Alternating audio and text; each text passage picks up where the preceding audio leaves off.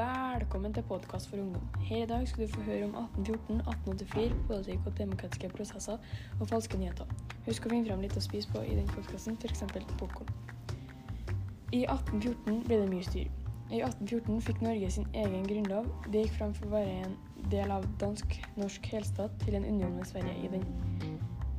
I den nye unionen fikk Norge status som egen stat, men hadde felles konge med Sverige. Helt siden 1380 hadde Norge vært knytta sammen med Dan Danmark. 17. mai 1814 signerte medlemmene av riksforsamlinga grunnloven av kronprins Christian Fredrik til konge av Norge.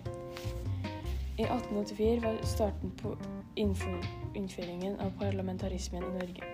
Etter riksrettssaken i 1884 ble Johan Svendrup ny statsminister.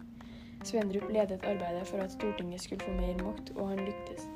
Etter at Svendrup ble statsminister, fikk ikke kongen så mye makt, så han kunne ikke velge hvem som skulle sitte i regjeringa. Kongen måtte støtte flertallet på Stortinget. Partiene Høyre og Venstre ble danna. Johan Svendrup ble regna som parlamentarismens far. Parlamentarisme det betyr styreform der regjeringa må ha støtte hos flertallet på Stortinget. Politikk og demokratiske prosesser. Du som ungdom kan delta i et politisk parti når du er 15 år. Da kan du være medlem av f.eks. Senterpartiet, Arbeiderpartiet eller Høyre. Da kan du være med i, på kommunestyremøter og forskjellige andre møter.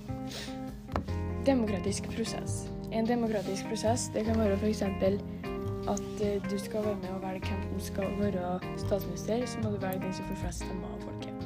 Da stiller du frivillig til valg, og da kan du folket bestemme hva du skal være. Den som får flest stemmer, er den som skal være statsminister, ordfører, leder i ungdomsrådet eller elevrådsrepresentant. Falske nyheter. Falske nyheter er falsk informasjon som utgir seg for å være nyheter med den hensikt å skulle påvirke leseren. Falske nyheter kan påvirke demokratiet, fordi alt det vi får inn, bruker vi tid på, og da kan vi også dra og utforske og når det ikke er sant, så bruker de, de som leser det, tid på å lese det, og det er unødvendig tid for å utforske det. Er mange som tror på uttrykkene, og uttrykkene kan si veldig mye, spesielt hvis de står i stor skrift og med utropstegn.